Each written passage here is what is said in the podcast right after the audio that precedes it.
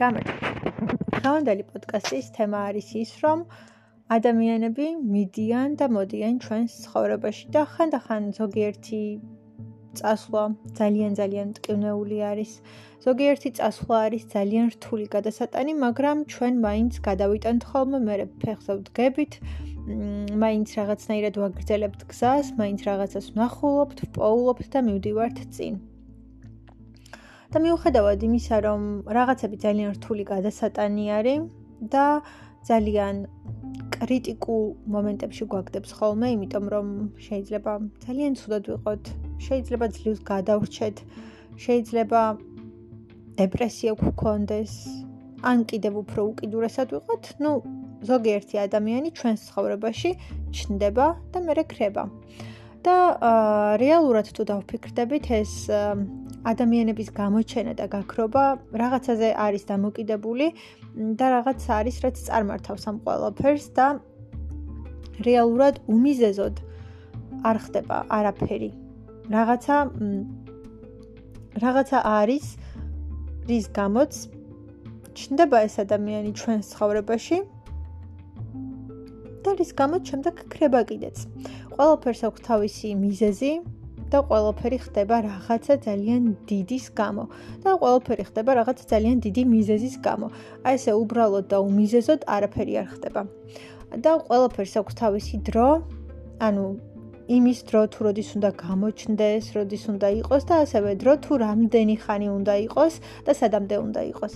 რეალურად ის ადამიანები ჩვენ ცხოვრებაში ჩერდებიან იქამდე, სადამდეც არის ჩვენთვის და ჩვენი ცხოვრებისთვის საჭირო.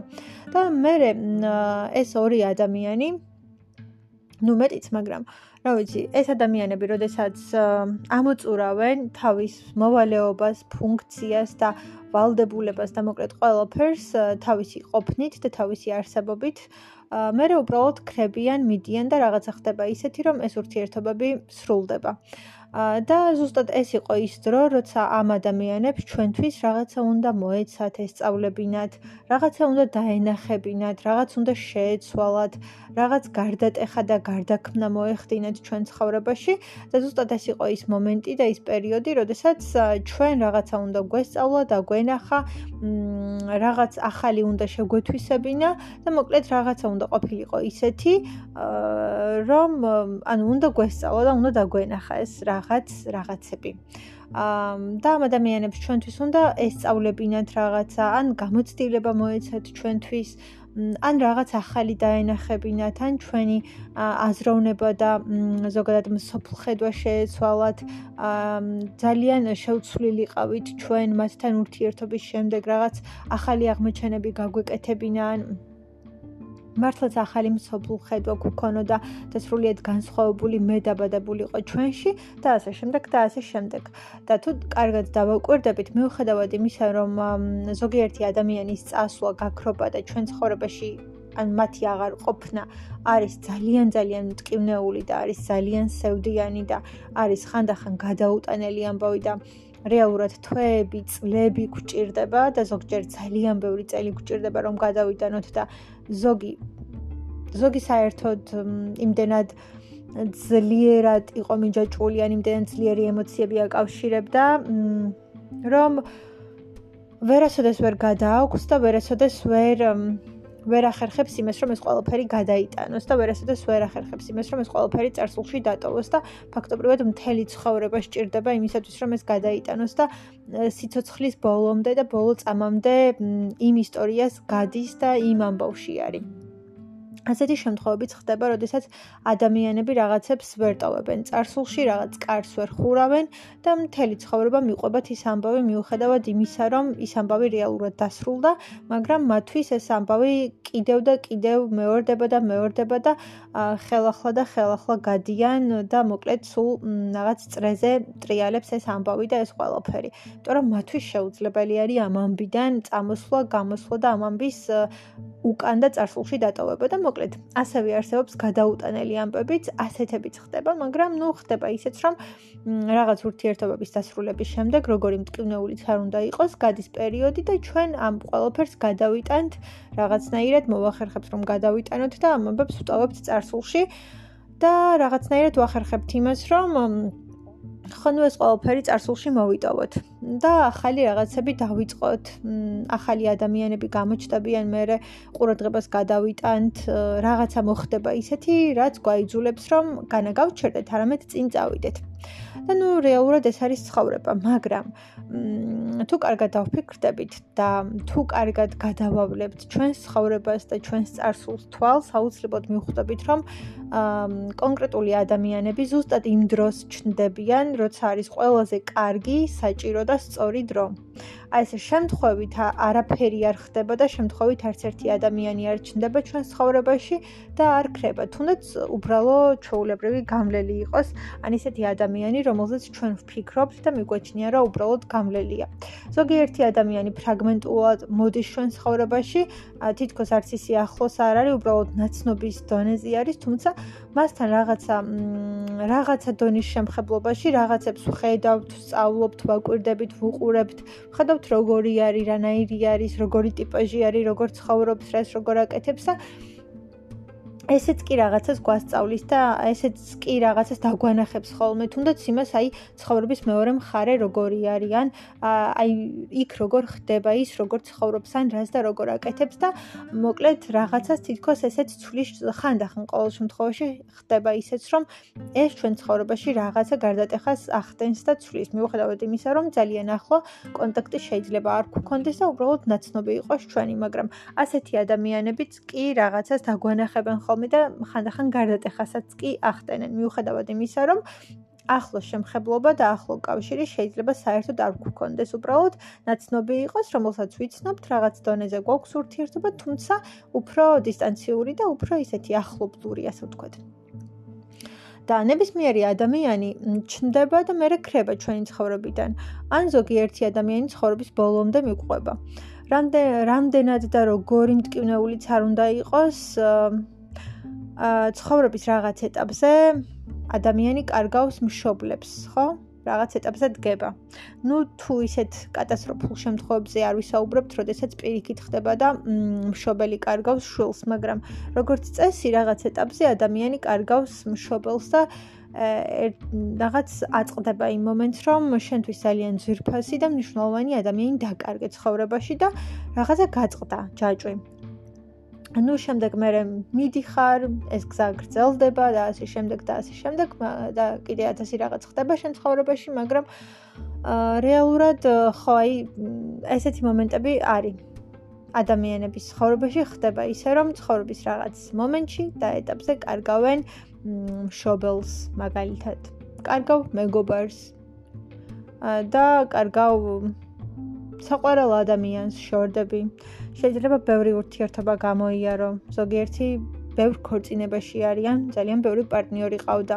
თითოეული გაშორება და დაშორება ტკივნეული და რაღაცნაირად რთული იყო, ხო? მესე ადვილი გადასატანი არ არის. მოკლედ 1000 ადამიანი გვხვდება ცხოვრების გზაზე. 1000 მათგანს ვშორდებით და გვიწევს რომ დავშორდეთ. ნუ სხვადასხვა მიზეზების გამო. ყველაზე კატასტროფული, უკიდურესი და ყველაზე მძიმე და საშინელი, რა თქმა უნდა, არის სიკვდილი, მაგრამ ეგ რომ არ იყოს, სხვა მიზეზებიც არსებობს, ხო, უბრალოდ ვეღარ შევეწყვეთ, კონფლიქტი მოგვივიდა, რაღაც გარემოებები იყო ისეთი, რომ სხვანაირად არ გამოდიოდა. და ნუ მოკლედ 1000 მიზეზი ვიღაცები ჩაერია ამ ურთიერთობაში, ხო? აა ვიღაცებს არ მოსწონდათ, არ უნდოდათ, არ სიამოვნებდათ. მოკლედ, ძალიან ბევრი მიზეზი შეიძლება იყოს, რა თქმა უნდა, ურთიერთობის დასრულების და, რა ვიცი, ალბათ ადამიანს რამდენადაც ეყოფა ფანტაზია და რაც კი მოუაზროთ, ყველაფერი შეიძლება რომ იყოს, ანუ რეალურად მისაღები. ყოველ ბევრი მიზეზის გამო ხდება ურთიერთობების ასე ვთქვათ, დანგრევა, ადამიანების ერთმანეთისაგან დაშორება და ურთიერთობის გაციება და მოკლედ, ძალიან ბევრი, ძალიან ძალიან ბევრი მიზეზი შეიძლება იყოს და ძალიან ძალიან ბევრი მიზეზი შეიძლება არსებობდეს, რატომ შეიძლება რომ არ გამოვიდეს და რატომ შეიძლება რომ არ შედგეს რაღაცა ურთიერთობა. მაგრამ ჩვენ ადამიანებს უკარგავთ და ალბათ ზუსტად იმ დროს და იმ მომენტში უკარგავთ, როცა არის ამის დრო. რეალურად ჩვენ ამას ვერ ვხვდებით და შეიძლება ვერც ვერასდროს ვერ დავინახოთ, მაგრამ იმ ადამიანმა ამოწურა თავისი ფუნქცია და მნიშვნელობა ჩვენ ცხოვრებაში. და ზოგადად შეიძლება ჩვენ თავად, როდესაც რაღაც გვემართება და ჩვენს ბოლო წერტილთან მივდივართ, მაშინ ალბათ ჩვენ ჩვენ ცხოვრებაში წამოვწურავთ იმ ყველა რესურს, ძალას და რაღაცას, რის გამოც ზოგადად ვიყავით და ვარსებობდით. და ზუსტად იმიტომ ვქვია იმას ბოლო წერტილი, რომ ჩვენ ჩვენი მაქსიმუმი გავაკეთეთ, გამოვიარეთ, ჩავდეთ, ვიგრძენით, განვიცადეთ და ასე შემდეგ. და უბრალოდ რაღაც რაღაც ეტაპი დასრულდა ჩვენ ცხოვრებაში. ყოველ შემთხვევაში ნუ თუ საბოლოო წერტილზე ვისაუბრებთ, ჩვენი ცხოვრებაც დასრულდება მაგ მომენტში, მაგრამ ალბათ გავიარეთ ის მომენტი და ყველაფერი რაც უნდა გაგვევლო და რაც ჩვენთვის იყო საჭირო. მაგრამ ამ შემთხვევაში ვსაუბრობთ იმაზე, როდესაც ურთიერთობები სრულდება და ადამიანები მიდიან ჩვენი ცხოვრებიდან, მიზეზს არ აქვს მნიშვნელობა, მიზეზი შეიძლება იყოს 1000. ყველაზე კატასტროფული და უკიდურესი მიზეზიდან დაწყებული შეიძლება უბრალოდ წყენა და გაბუტვაც კი იყოს ხანდახან იმდენად დიდი მიზეზი გახდეს, ვითომ არაფერი უბრალოდ გაბუტვა და უბრალოდ წყენა რა ურთიერთობა დაიშალოს, დაინგრეს და ორი ადამიანი ერთმანეთს სამუდამოდ დაშორდეს. აქთან გამომდინარე, ხო, ჩვენ შორდებით ადამიანებს, ამას განვიცდით, ძალიან მტკივნეულია, ზოგიერთი გადაუტანელია, ზოგიერთის გადასატანად წლები გვჭირდება, ზოგიერთის გადატანა უბრალოდ არ შეგვიძლია და ხანდახან ხდება ისეც, რომ წლების მერე ხდება რომელიღაც ურთიერთობაში მიბრუნება და იმ ადამიანის თითქოს თავიდან პოვნა აღმოჩენა და იმ ადამიანთან კიდევ ხელახალი ამბის აწყება. და ალბათ მაგასაც თავის დრო აქვს ის ცალკე პერიოდი უნდა გამოგევლოს ავარაუდოდ და უნდა გესწავლო მის გარეშეც ცხოვრება და ყოფნა როგორი არის და მასთან ერთადაც სხვანაირად დაგიფასებინა ალბათ არ ვიცი მაგრამ რეალურად მე მგონია რომ ნებისმიერი ადამიანი ძალიან სწორ დროს ჩნდება ჩვენ ცხოვრებაში ჩნდება იმისათვის რომ არის საჭირო რაღაცისთვის, რაღაცა უნდა გვასწავლოს, რაღაცა უნდა დაგვანახოს, რაღაცა უნდა მოგვცეს, რაღაცის ცოდნა უნდა მოიტანოს ჩვენთან და გამოცდილება. გარკვეული გამოცდილებები უნდა შეგვძინოს, გარკვეული არ ვიცი, ცოდნა უნდა მოიტანოს ჩვენთან და ჩვენ ცხოვრებაში და ჩვენ იმის მერე, რა თქმა უნდა, აღარ ვიქნებით ისეთები, როგორებიც ვიყავით იქამდე და ძალიან დიდი ცვლილებები მოდის. და თვითონ რამდენი ხანი გრძელდება ეს ურთიერთობა, მგონია რომ მაგასაც თავისი დრო აქვს და თავისი პერიოდი აქვს და ზუსტად იმდენი ხანი გრძელდება ეს ურთიერთობა, რამდენი ხანიც არის ჩვენთვის საჭირო. რომ რაღაცები მართლა ვისწავლოთ, დავინახოთ, განვითარდეთ, როცა ალბათ ურთიერთობა და ეს ურთიერთობა ამოწურავს თავს და შესაბამისად ჩვენთვისაც უკვე დაკარგავს იმ ფუნქციას და მოვალეობას და როდესაც ჩვენ ცხოვრების სხვა ეტაპზე ან სხვა საფეხურზე უნდა გადავიდეთ და ეს ყველაფერი უკვე ხელს გვიშლის ამ განვითარებაში, ის ურთიერთობა რაღაცნაირად ინგრევა, კვდება და მიდის ჩვენი ცხოვრებიდან.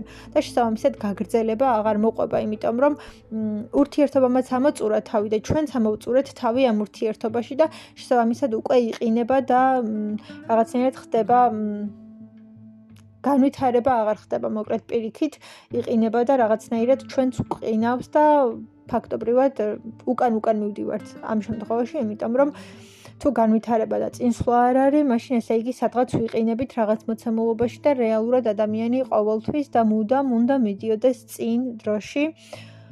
და ზოგადად უნდა მიდიოდეს წინ და უნდა ვითარდებოდეს იქამდე სანამ ხარ ცოცხალი, რაღაც უნდა იყოს, რითიც ვითარდები.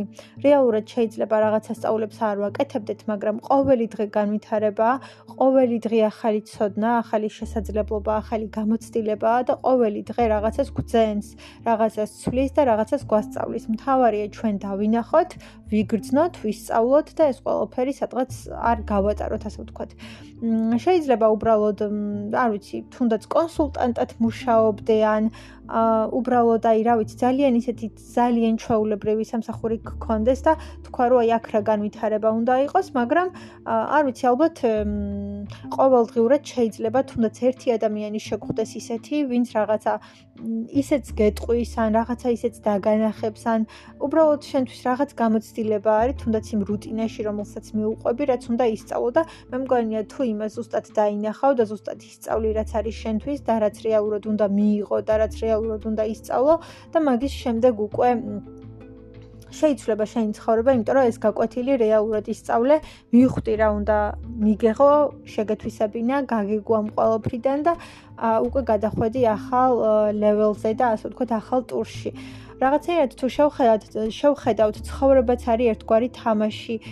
იმ კუთხით რომ ძალიან ბევრი საფეხურისგან ძალიან ბევრი ლეველისგან შედგება და თუ ჩვენ ერთი ტური არ დავხურეთ და ყველა ვალდებულება და მოვალეობა არ შევასრულეთ რომელიც მოგვეთხოვებოდა და რომელსაც ის ტური მოითხოვდა, რეალურად ვერ გადავალთ ახალ საფეხურზე და ვერ გადავალთ ახალ ტურში და შეიძლება ერთი ტურის გავლა მოგვიწიოს 10 ჯერ, 20 ჯერ, ხანდახან 100 ჯერ იმისათვის, რომ მიუხვდეთ როგორ უნდა გავიაროთ, რა უნდა გავაკეთოთ, ან რას ვაკეთებთ არასწორად და მხოლოდ შემდეგ ვახერხებთ, რომ გადავიდეთ შემდეგ ტურში და ზოგიერთი ეტაპის გავლა ზოგიერთი ადამიანი ძალიან დიდხანს უნდება, ზოგიერთი პირველივე ცდაზე აკეთებს ამ ყველაფერს და ნუ ყოველს გამოცდილება შესაბამისად არის სხვადასხვანაირი. და ეს ადამიანი ზოგადად ან ადამიანები ჩვენ ცხოვრებაში თავის ფუნქციას და მოვალეობას, როდესაც ამოწურავენ ხოლმე, მე რა ცხოვრებაში რაღაცები თავისთავად ისე ლაგდება, გარემოებები, ვითარებები ისინი ესენი, რომ ეს ადამიანები თავისთავად მიდიან და ხრებიან ჩვენი ცხოვრებიდან. და ჩვენ ცხოვრებაში რეალურად აღარ არიან, იმიტომ რომ იმიტომ რომ თითქოს მართლა თავი ამოწურეს და თავისი მოვალეობა, ფუნქცია და ყველაფერი შეასრულეს, რაც შეიძლება რომ შეიძლება რომ მათ ქონოდათ და რაც უნდა გაეკეთებინეთ და მოეცათ, ან რაც უნდა ესწავლებინეთ ჩვენთვის და შესაბამისად აღარ არიან ჩვენ ცხოვრებაში საჭიროები. ჩვენ კი ძალიან გვტკივა და განვიცდით, მაგრამ რეალურად ვერ ხვდებით იმას და იმ დიდ დანიშნულებას ალბათ რომ უბრალოდ აღარ იყო ეს ყველაფერი საჭირო და უნდა დამთავრებულიყო. და რაც არ უნდა იყოს, დამთავრება და დასასრული ყოველთვის მტკივნეულია და ყოველთვის მტკივნეული იქნება. ჩვენ არასოდეს არ ვიტყვით, რომ ამისთვის მზად ვართ, ან ეს გვინდა. ნუ თუ საშინელება არ ხდება იმ ურთიერთობაში და თუ თუ რა ვიცი. გაწამებულები არ ვართ და რაღაც საშინელი ურთიერთობა არ არის და ჩვენ თვითონვე თუ არ გვინდა რომ დასრულდეს, მაგრამ მაგ შემთხვევაშიც მაშინ ჩვენ ვდგამთ ამ ნაბიჯს. რომ უნდა წამოვიდეთ ამ ურთიერთობიდან და დავშორდეთ და მართალია ეს პროცესი დაშორების არის ძალიან მტკივნეული, მაგრამ რეალურად მგონია რომ ის ტკივილიც რაღაცას გვასწავლის. აი იმ ტკივილის დღეებში გამოვლილი ამბები, ისტორიები, ის გრძნობები და ემოციები, რასაც ვგრძნობდით, განვიცდით, რაც ჩვენში იყო და ხდებოდა, ესეც კი რაღაცას გვასწავლის და გვაძლევს და ესეც კი ძალიან დიდი გამოცდილება და ესეც კი ძალიან დიდი რაღაც არის ჩვენ ცხოვრებაში. იმიტომ რომ ჩვენ ამ ყოველფრით ვსწავლობთ, ვიგებთ და მოკლედ ვითარდებით და წინ მივდივართ და მოკლედ ათასი რაღაც. ამიტომ ესეც ძალიან საინტერესო არის. მართალია ტკივილია, მაგრამ ხანდახან ტკივილი ძალიან ბევრ რაღაცას გვასწავლის. ხანდახან ტკივილი გვაიძულებს, რომ ცხოვრების ახალ ეტაპზე და ახალ საფეხურზე გადავიდეთ. სადღაც მივყავართ, რაღაცას ვაკეთებთ და ხანდახან არის ეს თითქოს აი ხელი კრესო და სადღაც წაგიყვანეს. ამიტომაც ვერ ვიტყვით, რომ ბოლომდე ცუდია. ხანდახან იმ ტკივილის გამოვლა რეალურად საჭიროა, სირთულეების გამოვლა საჭიროა, რომ გავიზარდოთ, ვისწავლოთ, განვითარდეთ გავხდეთ და გავხდეთ უკეთესები, ვიდრე ვიყავით გუშინ. თუმცა ის დღეები, რა თქმა უნდა, ძალიან რთული, კრიტიკულად და უმძიმესად გამოსავლელია, მაგრამ თუ ალბათ ჩვენთვის და ჩვენი ცხოვრებისთვის საჭირო არ არის, მე მგონია, რომ არც მოხდება და არც დაგვემართება და თუ ხდება და გვემართება, შეიძლება რომ რაღაცისთვის მაინც არის საჭირო და რაღაცის გამო მაინც ხდება ესე უმიზეზოდ არ მგონია რომ რაიმე ხდებოდეს და უმიზეზოდ არ მგონია რომ საერთოდ რაიმე გვემართებოდეს.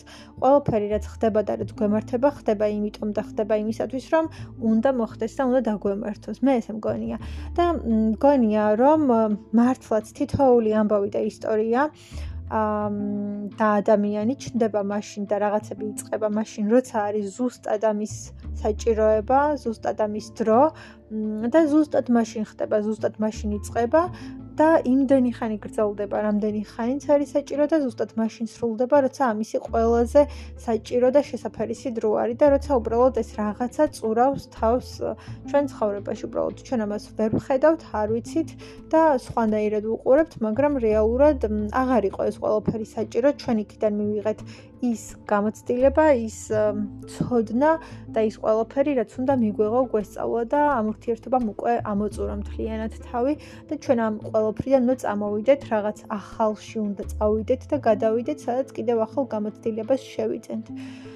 თუმცა თუმცა ხო ეს მომენტები, როდესაც ადამიანები ქრებიან ჩვენი ცხოვრებიდან, არის ძალიან მტკივნეული და საშინლად მტკივნეული, ხანდახან მართლაც გადაუტანელი, მაგრამ ალბათ ესეც არის ერთგვარი გამოცდილება, რაც ადამიანმა უნდა შეიძინოს თავისი ცხოვრების მანძილზე.